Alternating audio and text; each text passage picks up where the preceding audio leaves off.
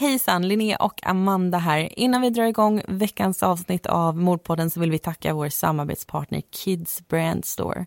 Kvalitet är ett nyckelord för dem och precis som man hör på namnet så har de välkända märken och de riktar sig till just barn och till ungdomar. Och främst så är det kläder som man kan hitta hos dem men eh, de har faktiskt också en hel del accessoarer. Ja, och vi går ju faktiskt in i december nu. Det är första advent när vi släpper det här avsnittet. Och som vi alla vet så springer ju den här månaden iväg och vips så är det jul. Och har du inte tid att besöka en fysisk butik så är det ju perfekt att handla dina julklappar på nätet. Och på Kids Brand Stores webbshop så hittar du bland annat snygga och praktiska hoodies från Ralph Lauren. Om du beställer hem någonting därifrån så får du inte glömma att ange rabattkoden Mordpodden. Då får du nämligen 20% rabatt. Så vi hoppas att det tipset kan hjälpa någon i julklappsstressen. Men nu varvar vi ner och lyssnar på veckans avsnitt.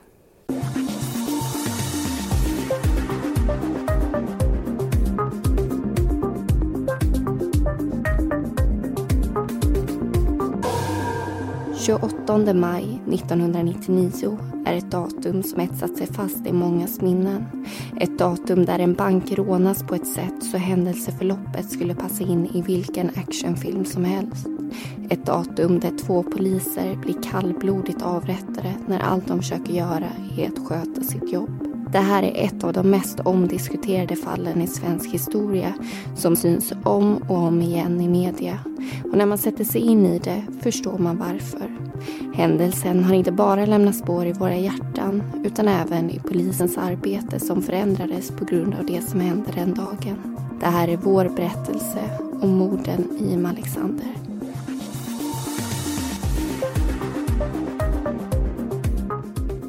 Du lyssnar på Mordpodden, en podcast om den mörka verkligheten. I veckans avsnitt berättar vi om Alexandermorden.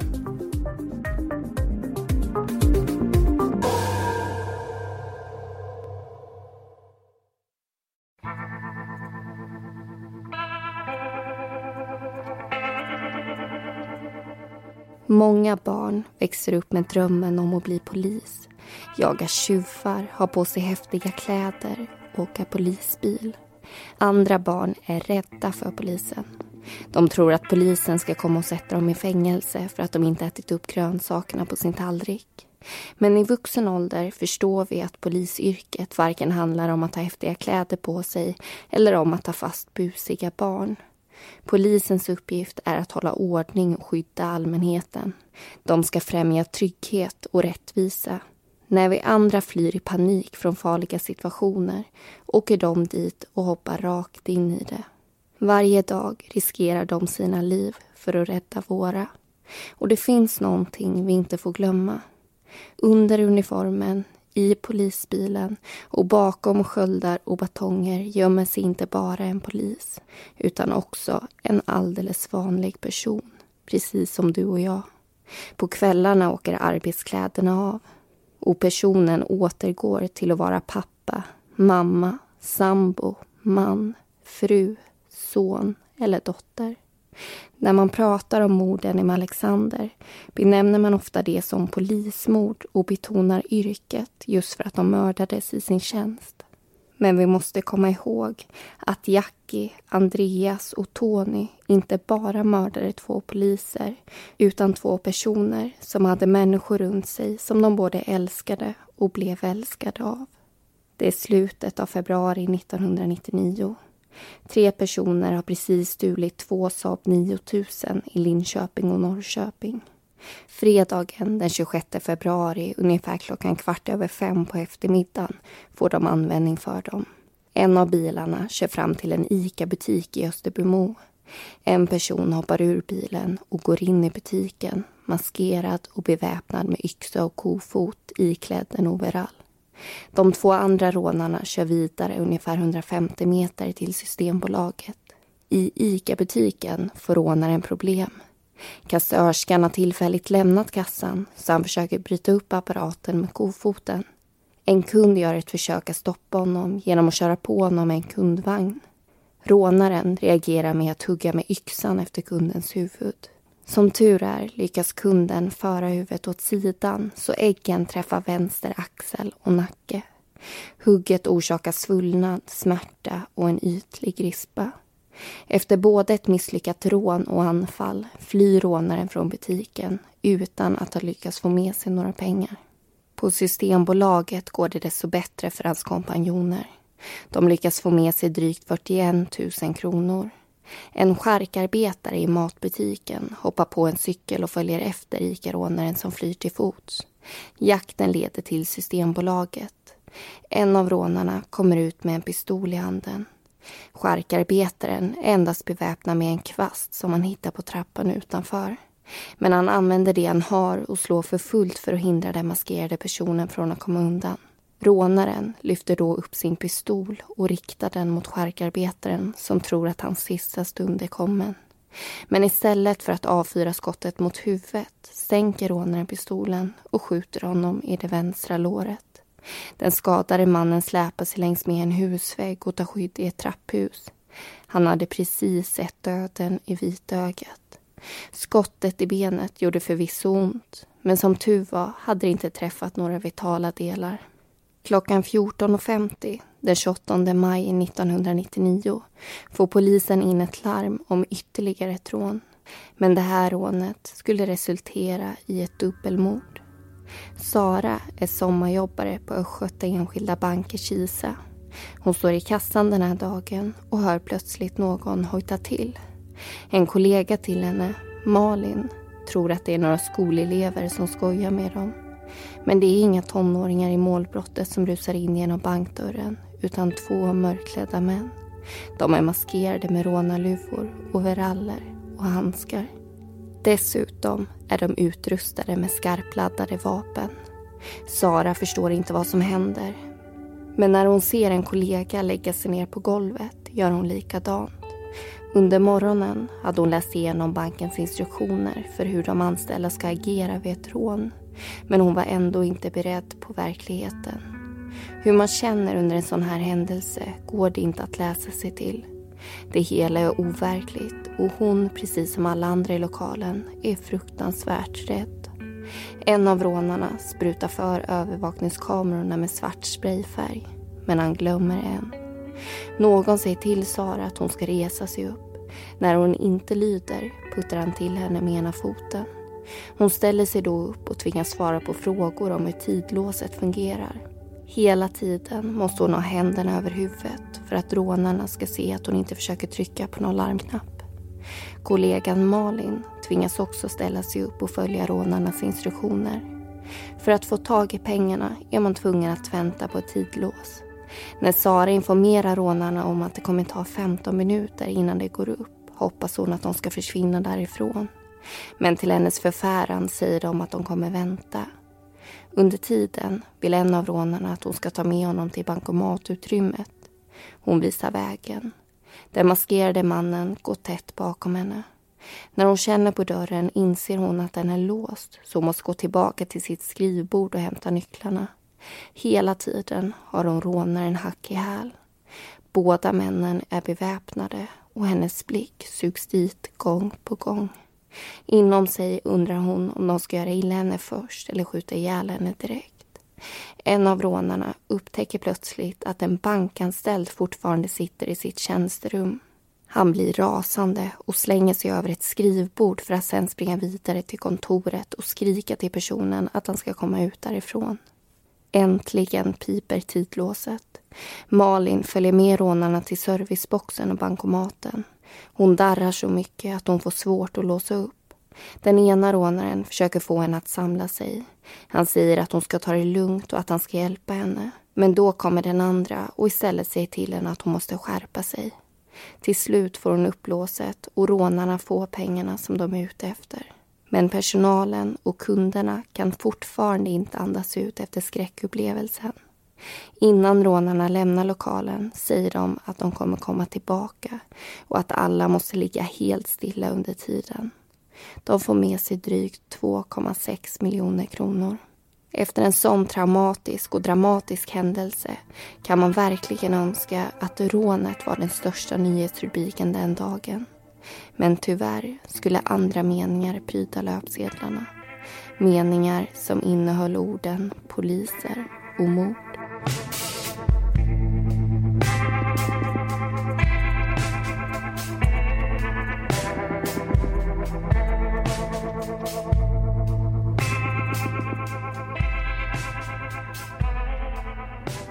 Då har det blivit dags för eh, den första diskussionen i det här fallet och vi ska alltså diskutera Malexandermorden.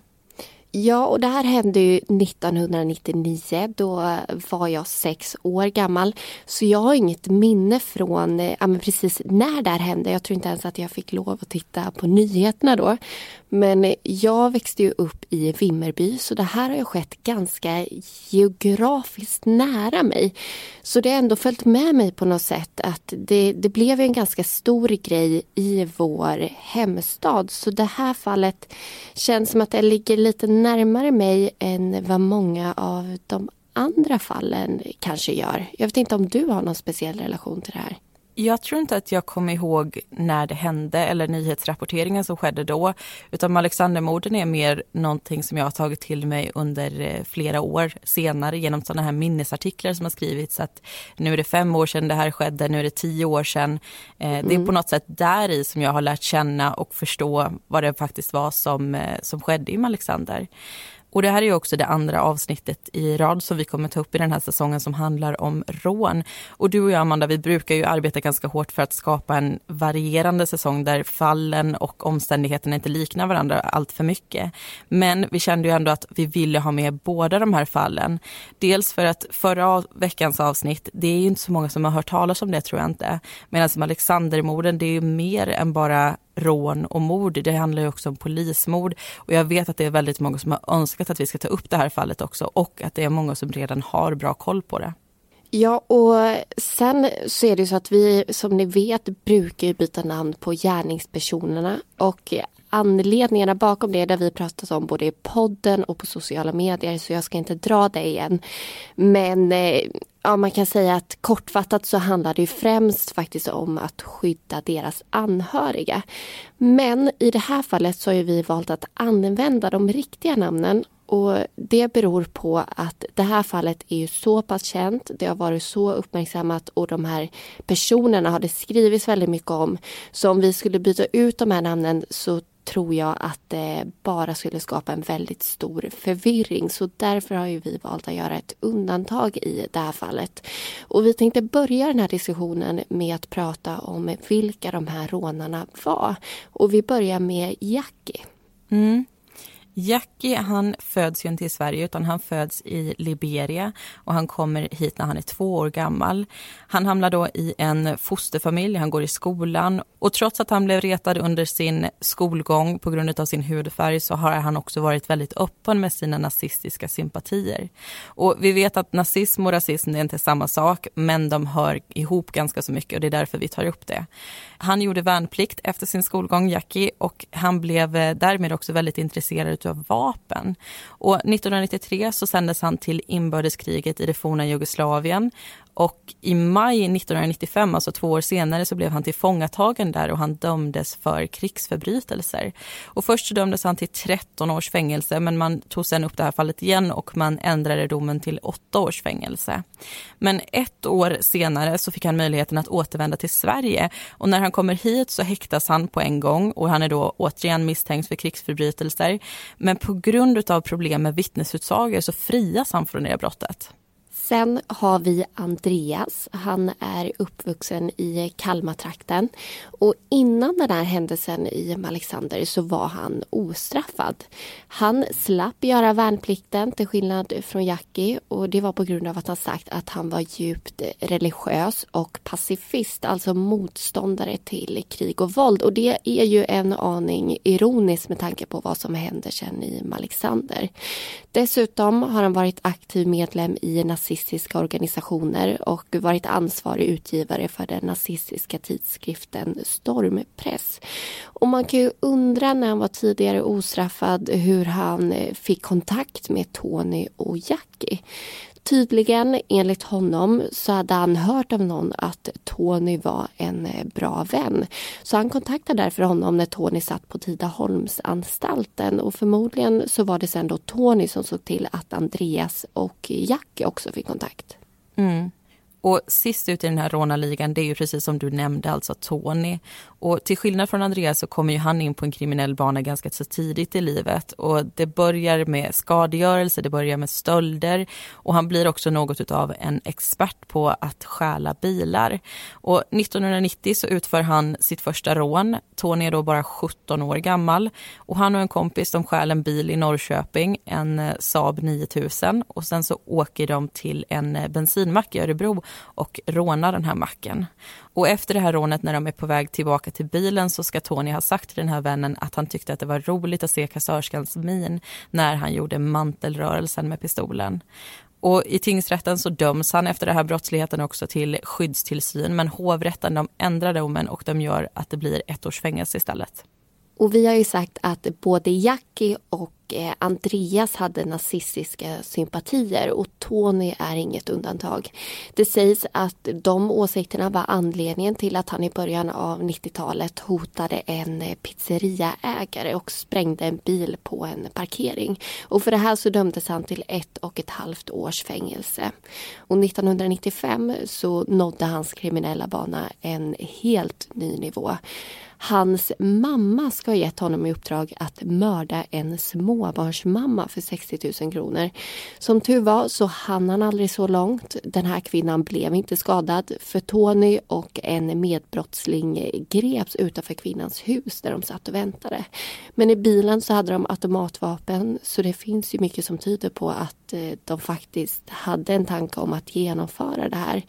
Och Tony dömdes till sex års fängelse och det var det här straffet som han avtjänade när rånet skedde. Och då kan man undra hur kunde han göra det här rånet om han sitter i fängelse? Men just då så hade han permission. Och 1996 så kom han i kontakt med Jackie i samband med att Jackie kom tillbaka från det forna Jugoslavien. Och Tony tyckte att Jackie verkar vara en intressant människa och började skriva brev till honom. Och den här brevväxlingen blev starten på en långvarig kontakt. Och efter det här så kommer vi ju till rånen. Och jag säger det i plural för att det här är ju flera rån som den här trion faktiskt begår tillsammans. Och då pratar jag om rån innan vi kommer till Alexander, vilket gör att eh, de här hamnar lite i bakgrunden med tanke på det som händer sen. Men jag tycker ändå att det är intressant att vi tar upp det här och berättar om deras bakgrund tillsammans i rånvärlden. Och alla tre har inte begått alla rånen ska vi säga och i vissa fall finns inte tillräckligt med bevis för att fälla någon och i vissa fall finns det inte ens tillräckligt med bevis för åtal. Men det har hänt en hel del innan Kisa-rånet och vi ska berätta lite om det. Det första rånet skedde den 1 november 1998 i Trollhättan.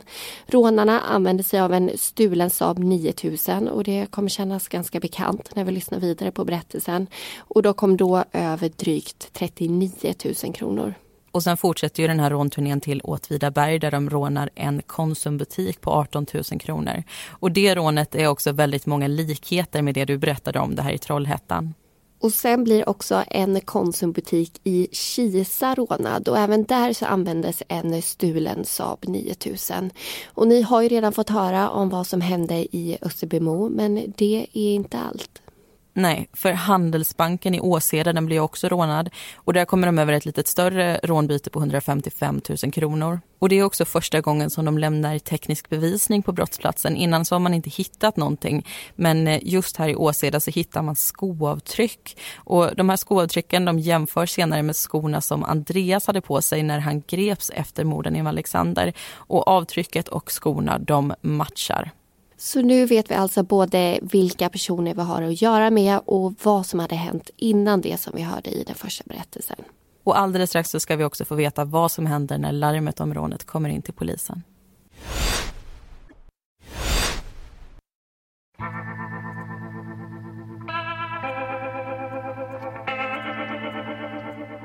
Kenneth är närpolischef i Kisa den 28 maj är han ensam polisman i tjänst när han strax före klockan tre får ett samtal från länskommunikationscentralen i Linköping om att det hade kommit ett överfallslarm från Östgöta Enskilda Bank i Kisa. Han får veta att det förmodligen rör sig om ett rån och att det eventuellt finns en beväpnad vakt utanför med automatvapen. De berättar också att förstärkningspersonal och helikopter är på väg. Kenneth tar på sig skyddsväst och beger sig ut med polisbilen för att iaktta. Mer kan han inte göra när han är ensam. När han närmar sig banken ser han mycket riktigt en maskerad och mörklädd person utanför med ett vapen i handen. När den vaktande rånaren får syn på polisbilen riktar han automatvapnet mot den. Kenneth hukar sig och kör ungefär 150 meter söderut på riksväg 34. Han vänder bilen så att den står dold bakom en vägkrök. Han observerar vakten på håll och försöker samtidigt stoppa trafiken söderifrån. Men vakten lyckas få syn på honom och riktar återigen vapnet mot honom. Ett tydligt tecken på att han inte får komma nära och försöka avbryta det de håller på med. Efter ungefär en kvart kommer de två rånarna som varit inne i banken ut och alla tre hoppar in i flyktbilen som är en grön Saab 9000. De kör rakt mot Kenneth och passerar honom på ett par meters avstånd på fel sida av en refug. Genom bilens nedvevade sidofönster sticker det ut tre vapenpipor. De är riktade mot polismannen. Andreas har i förhör sagt att de gjorde det för att skapa pondus och visa honom att han inte skulle följa efter. Men Kenneth vänder sin bil, sätter igång blåljusen och kör. Det går snabbt. Flyktbilen kör om flera bilar och Kenneth gör vad han kan för att inte tappa bort den. När han kommer ur en kurva ser han att bilen med de tre rånarna har stannat på vägen. De maskerade männen har klivit ur. Två på förarsidan och en på passagerarsidan. Rånarna öppnar eld mot Kenneth i knästående skjutställning. Kenneth befinner sig ungefär 150 meter därifrån och backar. En röd Volvo som hamnat mellan honom och flyktbilen gör likadant. Ändå får Volvon ett skott genom sin högra yttre backspegel. Skottlossningen upphör. Kenneth vet inte om polisbilen har blivit träffad. Rånarna hoppar in i bilen igen och ber sig iväg söderut på riksväg 34 i hög fart.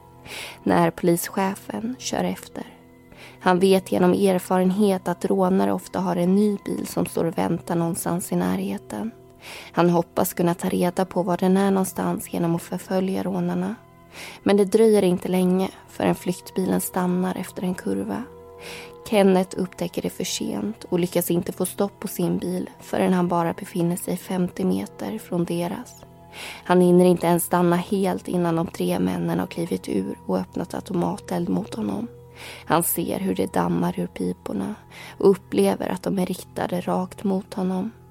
Den här gången kan han inte backa därifrån. Bilen är träffad och motorn är skadad. Instrumentpanelen har blivit svart.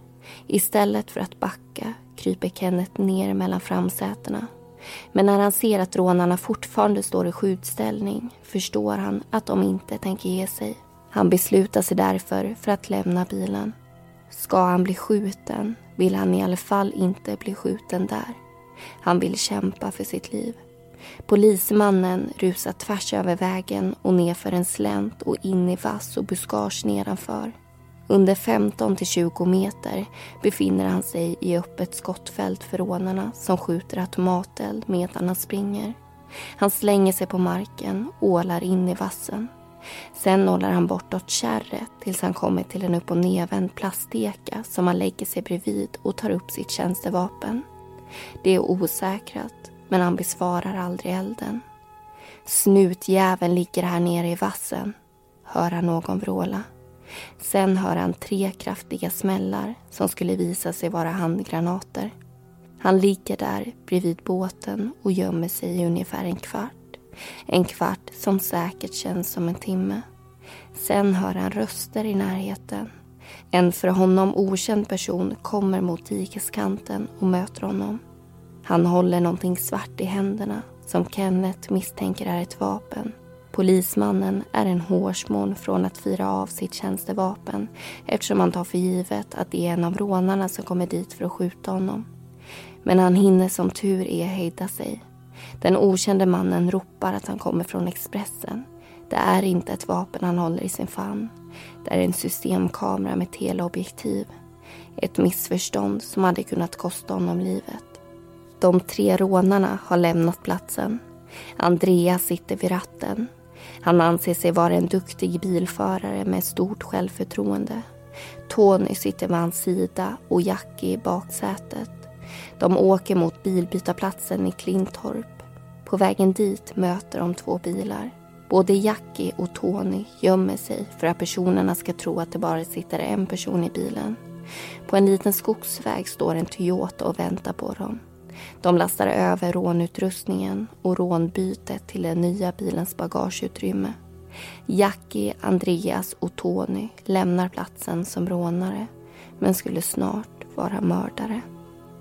Poliskollegorna Olle och Robert sitter inne i polishuset i Mjölby när de får höra talas om det beväpnade rånet mot banken. Det rör egentligen inte dem eftersom Kisa ingår i Linköpings polisområde. Men om Olle och Robert inte får några andra akuta jobb som de måste prioritera ska de ha så kallad allmän spaning. Rånarna har många potentiella flyktvägar att ta så det finns ingenting som säger att de kommer korsa just Mjölby. Men de två poliskollegorna hoppar in i sin tjänstebil och meddelar att de åker mot Boxholm. De fortsätter vidare mot Alexander och parkerar bilen med fronten ut mot vägen vid en plats som heter Sommarhagen. På det sättet har de god sikt in i bilarna som åker förbi dem. En vit Toyota svischar förbi. En ung man sitter bakom ratten. Poliserna skriver ner bilens registreringsnummer på en lapp. Någonting får dem att ta beslutet att följa efter. Medan de åker tar de kontakt med kommunikationscentralen i Motala och ber dem ta reda på vem ägaren till bilen de förföljer är. Medarbetaren som ska hjälpa dem att få fram informationen som de söker hör någon av poliserna säga att bilen kör konstigt. De tre rånarna har upptäckt att de är förföljda av en polisbil och stannar framför en mötesplats vid Lillsjön strax efter en kurva. Platsen är vacker, omfamnad av naturen och på andra sidan sjön ligger sommarstugor med vackra trädgårdar.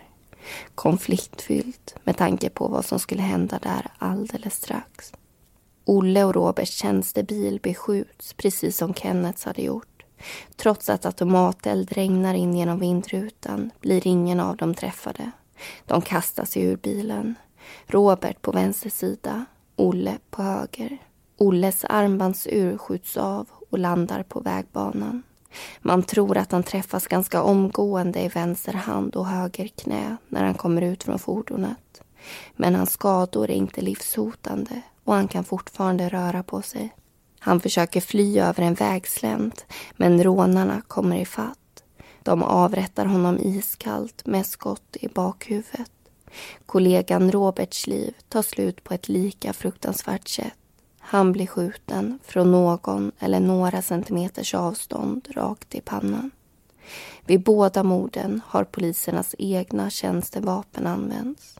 Den tekniska undersökningen visar att polisbilen har beskjutits framifrån från minst fyra olika platser. Minst 14 kulor har skjutits in eller genom kupén och bilen har 26 utvändiga och 19 invändiga skottskador. Men det är inte bara poliserna och bilen som tvingats smaka på kulregnet. Olle och Robert hade hunnit besvara elden innan de blev skjutna och en av rånarna, Andreas, träffades i magen. På andra sidan Lillsjön njuter flera familjer av tillvaron i sina sommarstugor. Maten står på spisen och helgens förväntningar hänger i luften. Men den mysiga stämningen avbryts av ljudet från skottlossningen. Vissa uppfattar det som en skarp tuta, andra som fyrverkerier. Men att två poliser precis blivit mördade är det nog ingen som tror. Verkligheten är så mycket värre än fantasin.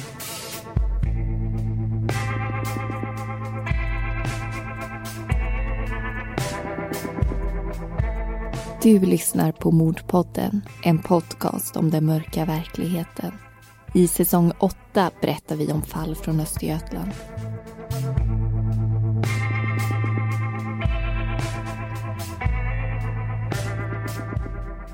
Mm. där hörde vi alltså andra delen av Alexandermorden. Eh, den här diskussionen ska man och jag blicka framåt i tiden och titta på lite saker som händer efter det att domen faller. För även om våra avsnitt många gånger slutar där ett fall slutar så lämnar ju såklart alla händelser som vi berättar om spår efter sig. Om Alexandermorden har inte bara påverkat de inblandade och de anhöriga utan det har också fått stora konsekvenser i samhället som vi märker av än idag. Till exempel så skapades någonting som kallas för bastaktik som en konsekvens av det som hände. Och det är ett utbildningspaket som alla poliser i Sverige måste gå igenom. Och syftet med bastaktik det är att poliserna ska bli mentalt förberedda på grovt våld och tänka efter före eventuella ingripande.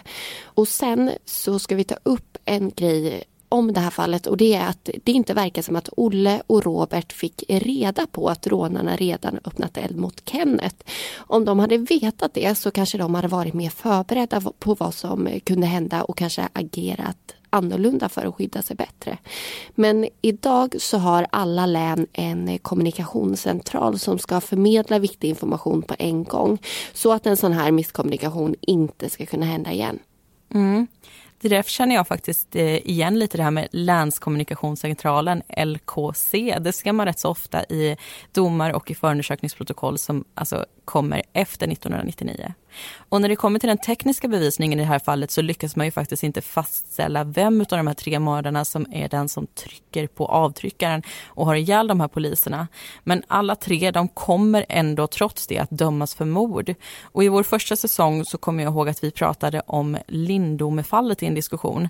Där frias två män just för att man inte kan fastställa vem av dem det är som har begått mordet på en man eftersom de skyller på varandra. Det fallet skapade väldigt mycket diskussion, men efter Alexandermorden så etableras ett juridiskt begrepp som heter gemensamt och i samförstånd. Ja, och det gör ju alltså att alla tre kan dömas för mordet. Och det som hände med Alexander det påverkade inte bara polisens arbete och juridiken utan även kriminalvården. För precis som vi varit inne på tidigare så hade ju Tony permission när han begick de här brotten. Så därför så stramade man upp reglerna och skärpte riskbedömningen kring permission och det har gjort att antalet beviljade permissioner har minskat. Mm.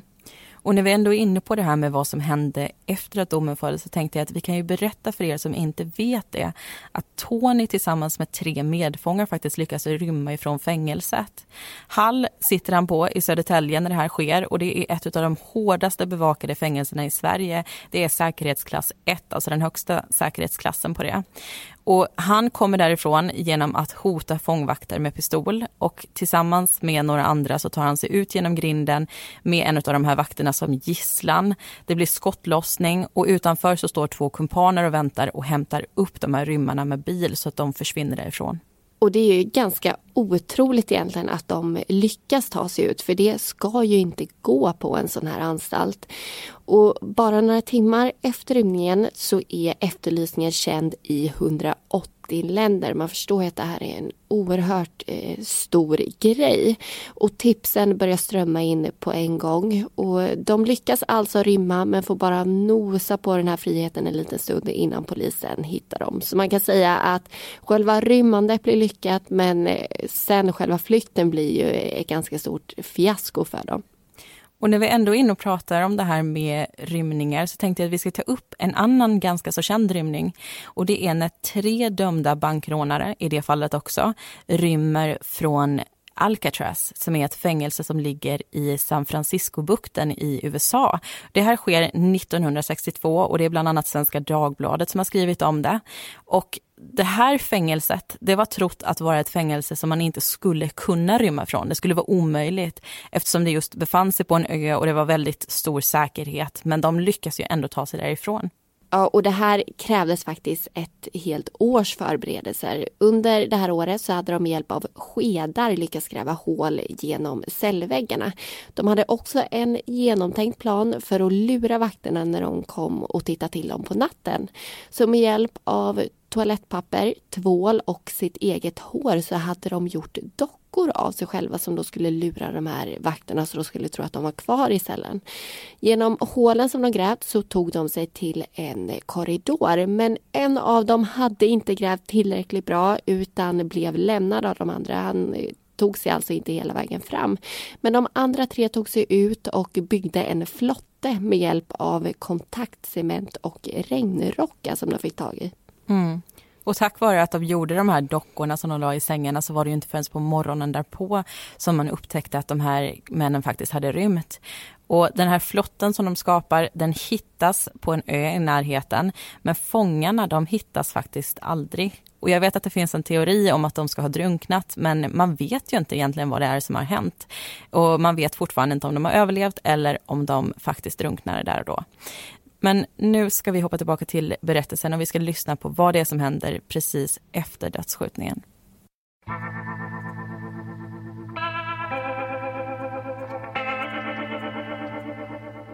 Tony hjälper skottskadade Andreas in i baksätet och tar sen över hans roll som chaufför. Han gasar iväg och försöker prata med Andreas under tiden.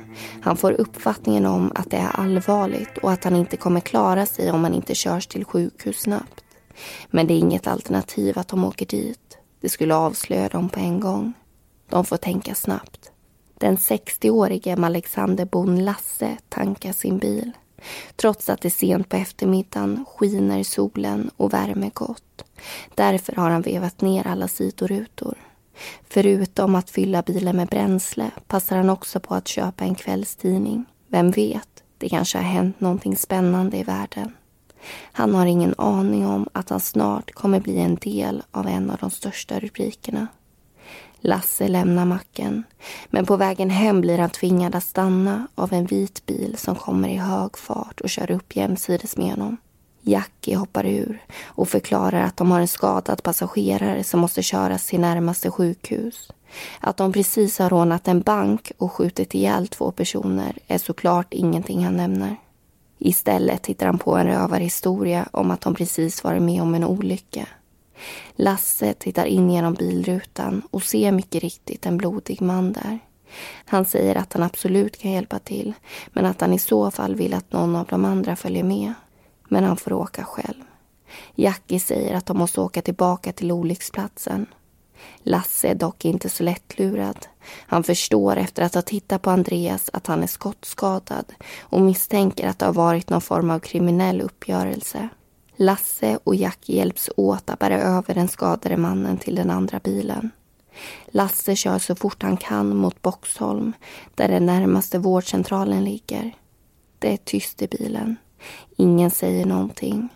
När de nästan är framme vid målet lyfter Andreas på armen. Lasse får då syn på pistolen i hans hand och föser sin högerarm under Andreas hand och lyckas få vapnet att falla ut genom bilrutan. Väl framme vid vårdcentralen lämnar Lasse över ansvaret till läkarna som ser till att Andreas transporteras till Linköpings universitetssjukhus där han opereras för sina skottskador. Andreas blir också den första av de tre rånarna som grips. Gripandet sker på sjukhuset. Samtidigt kämpar hans kumpaner för att inte gå samma öde till mötes. De har inte längre någon riktig plan utan kör på måfå på skogsvägarna i Alexandertrakten. Till slut kommer de fram till en gård. Det verkar inte vara någon hemma. Tony och Jackie kör in bilen i en lada. Nu ställs de inför ett stort dilemma ska de antingen elda upp bilen och riskera att röken avslöjar dem och leder till ett enkelt gripande för polisen. Eller ska de låta bilen vara och därmed också bjuda polisen på alla spår och ledtrådar om de hittar den. De bestämmer sig för det sistnämnda. Tony tror att deras bästa chans att komma undan polisen är att byta bil ännu en gång han och Jackie försöker stjäla en Opel Vectra i närheten av Boxholms kyrka, men misslyckas. Tony skär sig på en glasruta och blodet droppar ner på backen. Förmodligen tar paniken över hela situationen ett fast grepp om honom. Han ringer sin flickvän Rebecca. Hon har följt mediernas rapportering om rånet och morden. Tony förklarar att hon måste komma och hämta honom Rebecka låter radion hålla henne sällskap medan hon kör. Hon hade fått order om att hämta Tony några hundra meter från Boxholms kyrka. Men Rebecka är så nervös att hon inte hittar dit. Hon ringer sin pojkvän som får lotsa henne rätt. Till slut hittar hon honom bakom ett stort träd ner mot Svartån där han ligger gömd. Ett av de största polispådragen någonsin i Sverige är i full gång. Andreas är gripen, men vilka de två andra rånarna är vet man inte. Men man tror att de är desperata och beväpnade, vilket sällan är en bra kombination. Och att de troligtvis färdas i en vit Toyota. Nästan 900 poliser från mellersta och södra Sverige deltar i jakten på personerna som precis mördat deras kollegor. När polisen går igenom olika spaningsregister hittar de en koppling mellan Andreas och Tony. När de pratar med Österåkersanstalten får de reda på att Tony har permission. Han blir genast intressant och snart får de även upp namnet Jackie.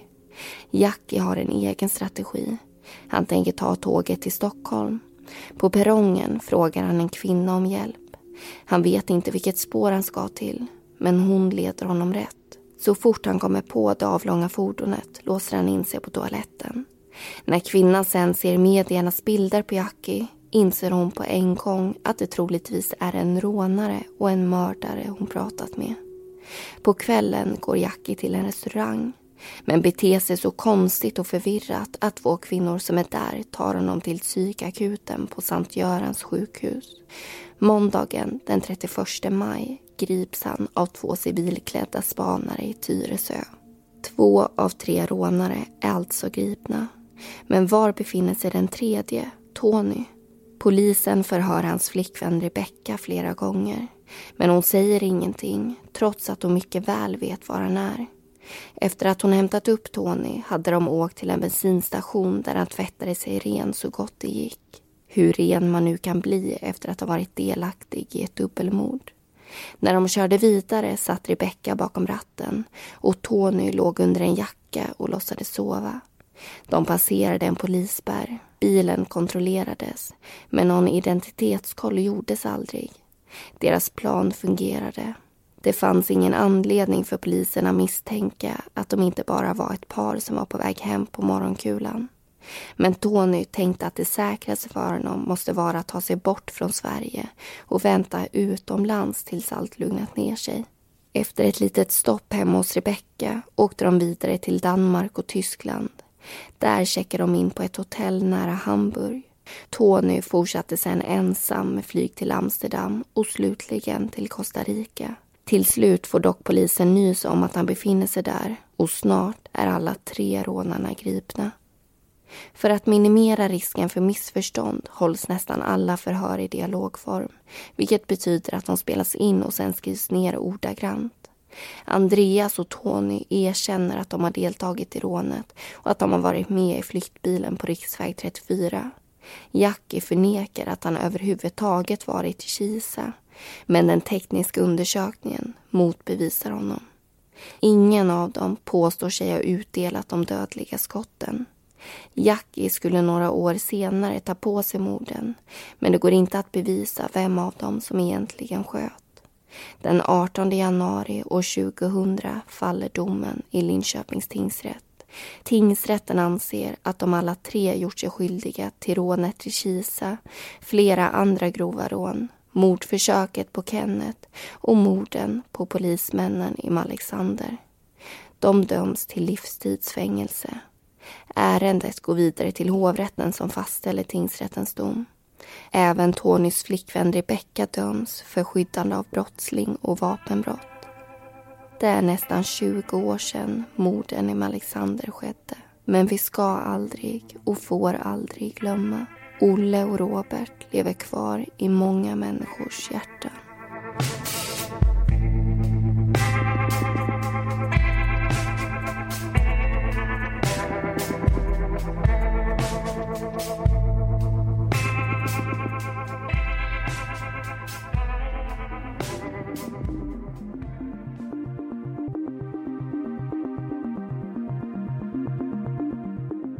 Det var allting vi hade att berätta om Alexandermorden. Tack för att du har lyssnat. Rebecka, Malin, Sara och Lasse heter egentligen någonting annat och informationen är hämtad från domarna i fallet, den nordiska kriminalkrönikan från 2000 och artiklar. Nästa vecka är vi tillbaka med ett nytt avsnitt och då berättar vi om ett mord i Finspång.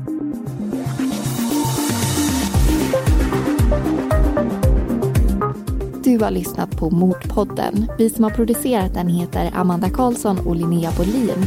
Bakgrundsmusiken var bland annat Soaring av Kevin MacLeod och Deep Space av Audionautics.